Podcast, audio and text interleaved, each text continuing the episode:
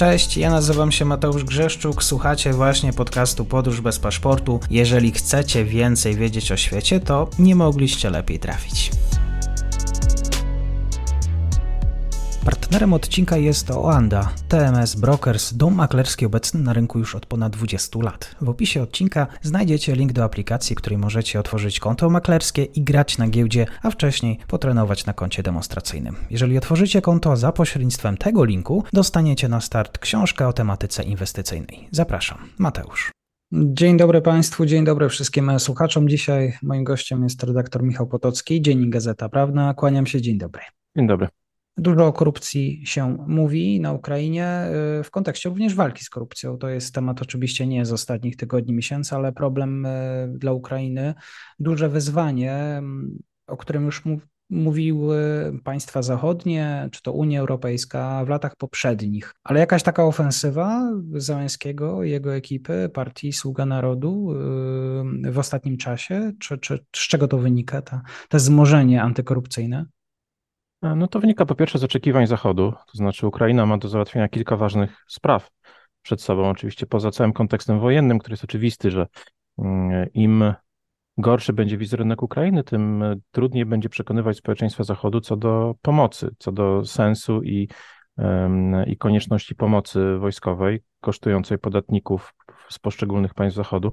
Ale to jest też kwestia pozawojenna, to znaczy Ukraina jest u progu rozpoczęcia rozmów akcesyjnych z Unią Europejską.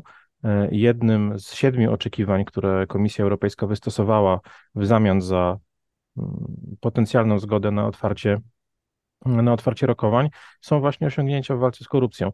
Jest dokończenie, było dokończenie mm, kształtowania kierownictwa organów walczących z korupcją. Tam w niektórych pokończyły się kadencje w niektórych trzeba było powołać e, jeszcze członków e, organów antykorupcyjnych, które były powoływane i budowane jeszcze w czasach Petra Poroszenki. E, I ta ofensywa jest skupiona właśnie na tych dwóch celach. W zasadzie mhm. jednym, bo to jest ten sam cel, tylko różne strony.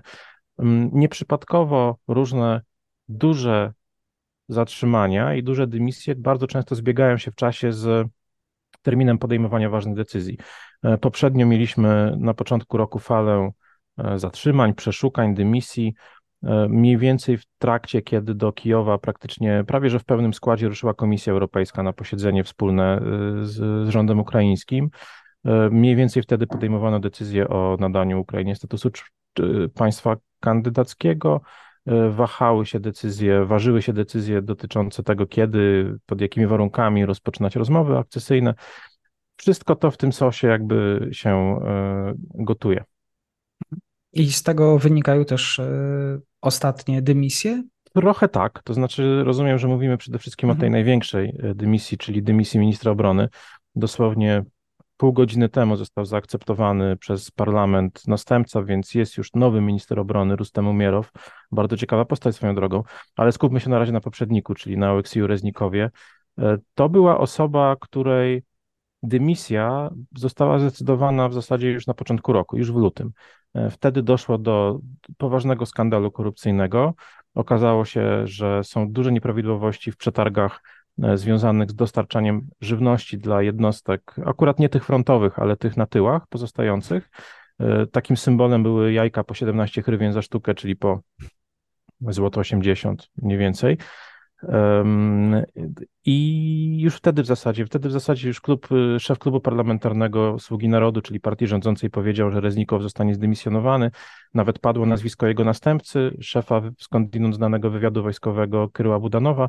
Wtedy do tej zmiany nie doszło. Nie doszło ze względu na to, że z jednej strony Budanow niespecjalnie spieszył się do tego, żeby zmieniać stanowisko. Jemu jest dobrze tam, gdzie jest, osiąga tam sukcesy, jest ceniony.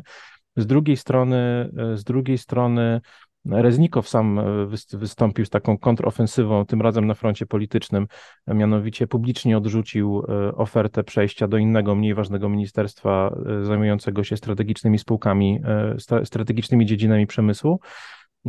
No ale też zachodni dyplomaci stwierdzili po cichu, że to nie jest dobry moment i to nie jest dobry pomysł, żeby wymieniać osobę, która chyba na Zachodzie jest bardziej ceniona niż na samej Ukrainie. Mm, I to trwało 7 miesięcy. Po 7 miesiącach Reznikow jednak został rzeczywiście odwołany. W trakcie tych 7 miesięcy e, musiał się liczyć z rosnącymi wpływami ludzi związanych bezpośrednio z szefem biura prezydenta, czyli takiej kancelarii prezydenta Andrija Jermaka. E, e, wtedy w lutym, kiedy wybuchła pierwsza afera korupcyjna, ta afera kosztowała stanowisko innymi wiceministra, jego zastępcy Reznikowa, Wieczesława Szapowała. Szapował był uznawany za prawą rękę Reznikowa. E, więc stopniowo tracił wpływy i to też pozwoliło mu się oswoić niejako z myślą o opuszczeniu stanowiska. Teraz już aż tak mocno Reznikow nie protestował.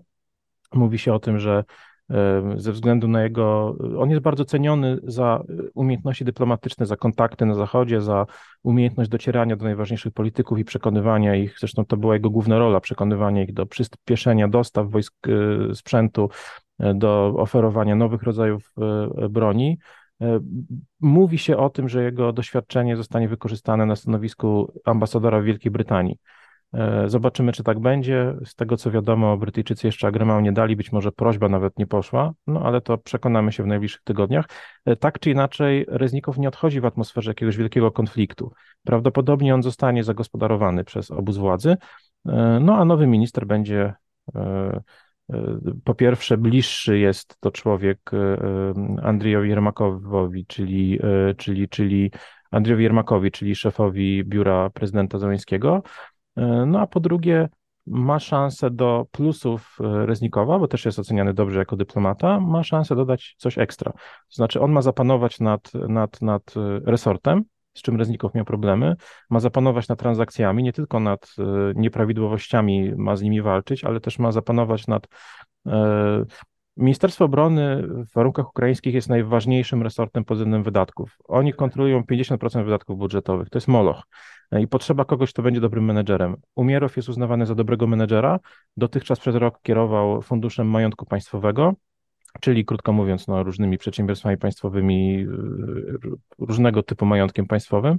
Był tam dobrze oceniany, nie było jakichś podejrzeń o nieprawidłowości. Do tego Umierow ma znakomite kontakty w Turcji i na Bliskim Wschodzie, e, co w kontekście takich przymiarek pierwszych do jakichś rokowań o rozejmie może mieć niebagatelne znaczenie w przyszłości. A przy okazji sprawdził się wielokrotnie jako taki cichy dyplomata. Negocjował z Rosjanami e, najpierw rozejm w lutym, marcu ubiegłego roku, później negocjował wymiany jeńców, też tak, to była taka wielopłaszczyznowa rozgrywka z zaangażowaniem Saudyjczyków, Turków i to też się udało. E, no i teraz ma szansę wywołać poczucie, uczucie dumy w narodzie krymsko-tatarskim jako najważniejszy polityk krymsko-tatarski w historii niepodległej Ukrainy. Ta korupcja szkodziła rzeczywiście wojsku? To jest pytanie. Korupcja oczywiście, że szkodzi, dlatego że, aż zwłaszcza w takiej sytuacji, kiedy Ukraina toczy wojnę egzystencjalną, znaczy jeżeli ją przegra, to, to może to ryzykuje utratą państwowości. Mm, więc każda chrywna, która trafia do kieszeni e, nie tej, gdzie trzeba, oczywiście, że szkodzi.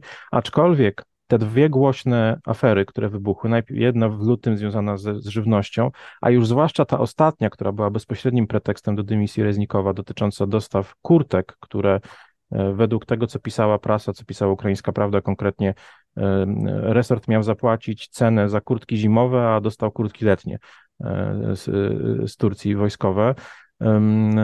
Akurat ten materiał dziennikarski wywołał dużą dyskusję również w branży e, wśród ukraińskich dziennikarzy. Pojawiały się wątpliwości, czy on aby na pewno był do końca dowiedziony. To znaczy, czy ten łańcuch, e, łańcuch przyczynowo-skutkowy i łańcuch logiczny był, e, był, był rzeczywiście dotrzymany. No, aczkolwiek z drugiej strony obóz władzy szukał możliwości do tego, żeby zdymisjonować Reznikowa już wcześniej, wykorzystali to jako pretekst, a fakt, że Reznikow, o ile świetnie się orientował na salonach europejskich i szerzej zachodnich, mhm. o tyle dużo gorzej e, przychodziło mu panowanie nad własnym resortem, który jest molochem, który jest ogromny, zatrudnia mnóstwo ludzi o układach, które sięgają jeszcze pewnie lat 90. w wielu przypadkach, bo Ministerstwo Obrony ma opinię również resortu takiego przedemerytalnego, jeśli chodzi o średnią wieku wśród ludzi, którzy tam którzy tam, którzy tam decydują, więc ministrowie przychodzili, odchodzili, a układy różne pozostawały. Reznikow ich nie zwalczył, no być może uda się to Umierowowi. Pewnie gdyby tak się stało, to Umierow e, byłby e, jeszcze lepiej oceniany na Zachodzie również niż Oleksij Reznikow. Czyli nowy minister ma ręce pełne roboty. Pojawia się też postać w ostatnim czasie Kołomońskiego. Tak, ze względu na e, korki w, w Kijowie, związane z kolei z wizytą Antoniego Blinkena, tak który jest. być może również będzie miał okazję spotkać się z Umierowem. Nie widziałem, czy się spotkał, ale być może się spotka. Ze względu na korki z jednego sądu do drugiego sądu nie zdołano przewieźć dokumentów na rozprawę, na posiedzenie w sprawie apelacji, odwołania od środka zapobiegawczego. Kołomojski został, krótko mówiąc, aresztowany. Sąd zgodził się na aresztowanie Ichora Kołomojskiego w sobotę albo w niedzielę weekend, powiedzmy tak.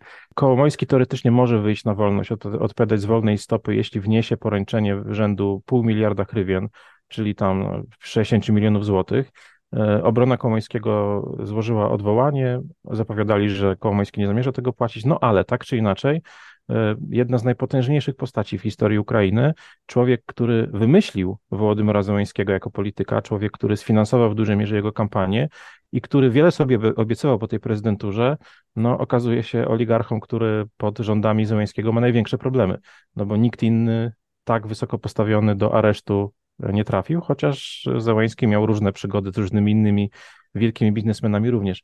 E, to jest świadectwo tego, że e, znów to jest e, fajny obrazek dla Zachodu, żeby pokazać, a zwłaszcza w przeddzień wizyty Blinkena, która przecież była dogadywana, że walczymy z korupcją, że nie ma u nas świętych krów, że zobaczcie, nawet były patron prezydenta trafił do aresztu.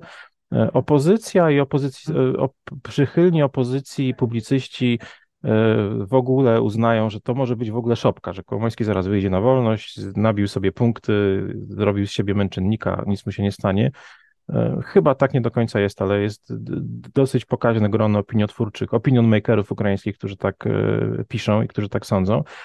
To chyba pokazuje też, że Zełański, kolejny dowód, że Zełański nie zamierzał od samego początku być malowanym prezydentem, że nie zamierzał być marionetką w ręku Kołomońskiego i zdawał sobie sprawę, że jeżeli szybko nie utnie nitek łączących go z Kołomojskim, to daleko nie zajedzie. Mm, takim pierwszym przykładem było przyjęcie ustawy, która uniemożliwiała zwrot Kołomojskiemu banku znacjonalizowanego za czasów Poroszenki. E, mówiło się o tym i ja w to jestem skłonny wierzyć, że to była główna motywacja Kołomojskiego, żeby powalczyć o prezydenturę rękami Zełańskiego. E, od tego czasu relacje Zełańskiego z Kołomońskim, to było jeszcze przed inwazją, relacje Ko Kołomońskiego z Zełańskim mocno osłabły, no i ostatnie miesiące to już takie regularne psztyczki, a to przeszukują mu kolejne rezydencje, a to wchodzą do jego firm, mm, a to e, Zełański odebrał mu paszport ukraiński, pozbawił go obywatelstwa, e, argumentując to tym, że Kołomoński posiada dwa inne paszporty, więc nie potrzebuje trzeciego. E, Komoński jest przy okazji też obywatelem Cypru i Izraela. Mm, no i ta rozgrywka też jest bardzo ciekawa. Zobaczymy, co z tego wyjdzie. Na razie sąd przesunął o kilka godzin. Na, no w momencie, kiedy publikujemy rozmowę, to już będzie jasne, co się wydarzyło na tej rozprawie apelacyjnej. No ale na razie czekają, aż e, samochód sądowy z dokumentami dojedzie do, do sądu, przebije się przez kijowskie korki związane z wizytą wielkiego sojusznika Antoniego Blinkena. No właśnie, to jeszcze na zakończenie, jeżeli już cię mamy Blinken pokazać stałe wsparcie dla Ukrainy, po co przyjechał?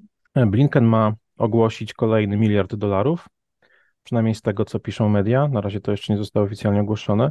No i to jest taki element stałego kontaktu. Amerykanie starają się regularnie wysyłać kogoś wysoko postawionego, czasem to jest, to jest sekretarz obrony, E, czasem to jest sekretarz stanu, tak jak w tym przypadku, czasem to jest doradca do spraw, między, do spraw bezpieczeństwa międzynarodowego. E, Blinken był ostatnio na Ukrainie w zeszłym roku. E, no przecież sam Joe Biden przyjechał, co było wielkim wydarzeniem. Przyjechał, przyjechał do Kijowa już w trakcie trwania rosyjskiej inwazji. Więc Amerykanie to jest kolejna z cyklu ważnych wizyt, gdzie pewnie są omawiane najtajniejsze z tajnych spraw dotyczące pomocy wojskowej, dyplomatycznej, dotyczące być może trwającej kontrofensywy, być może przymiarek do, do, do, do, do, do, do rokowań o rozejmie, a być może jeszcze jakichś kwestii, o jakich nie mamy pojęcia. Tak jest. Bardzo dziękuję za komentarz. Redaktor Michał Potocki, kłaniam się. Dziękuję, do usłyszenia.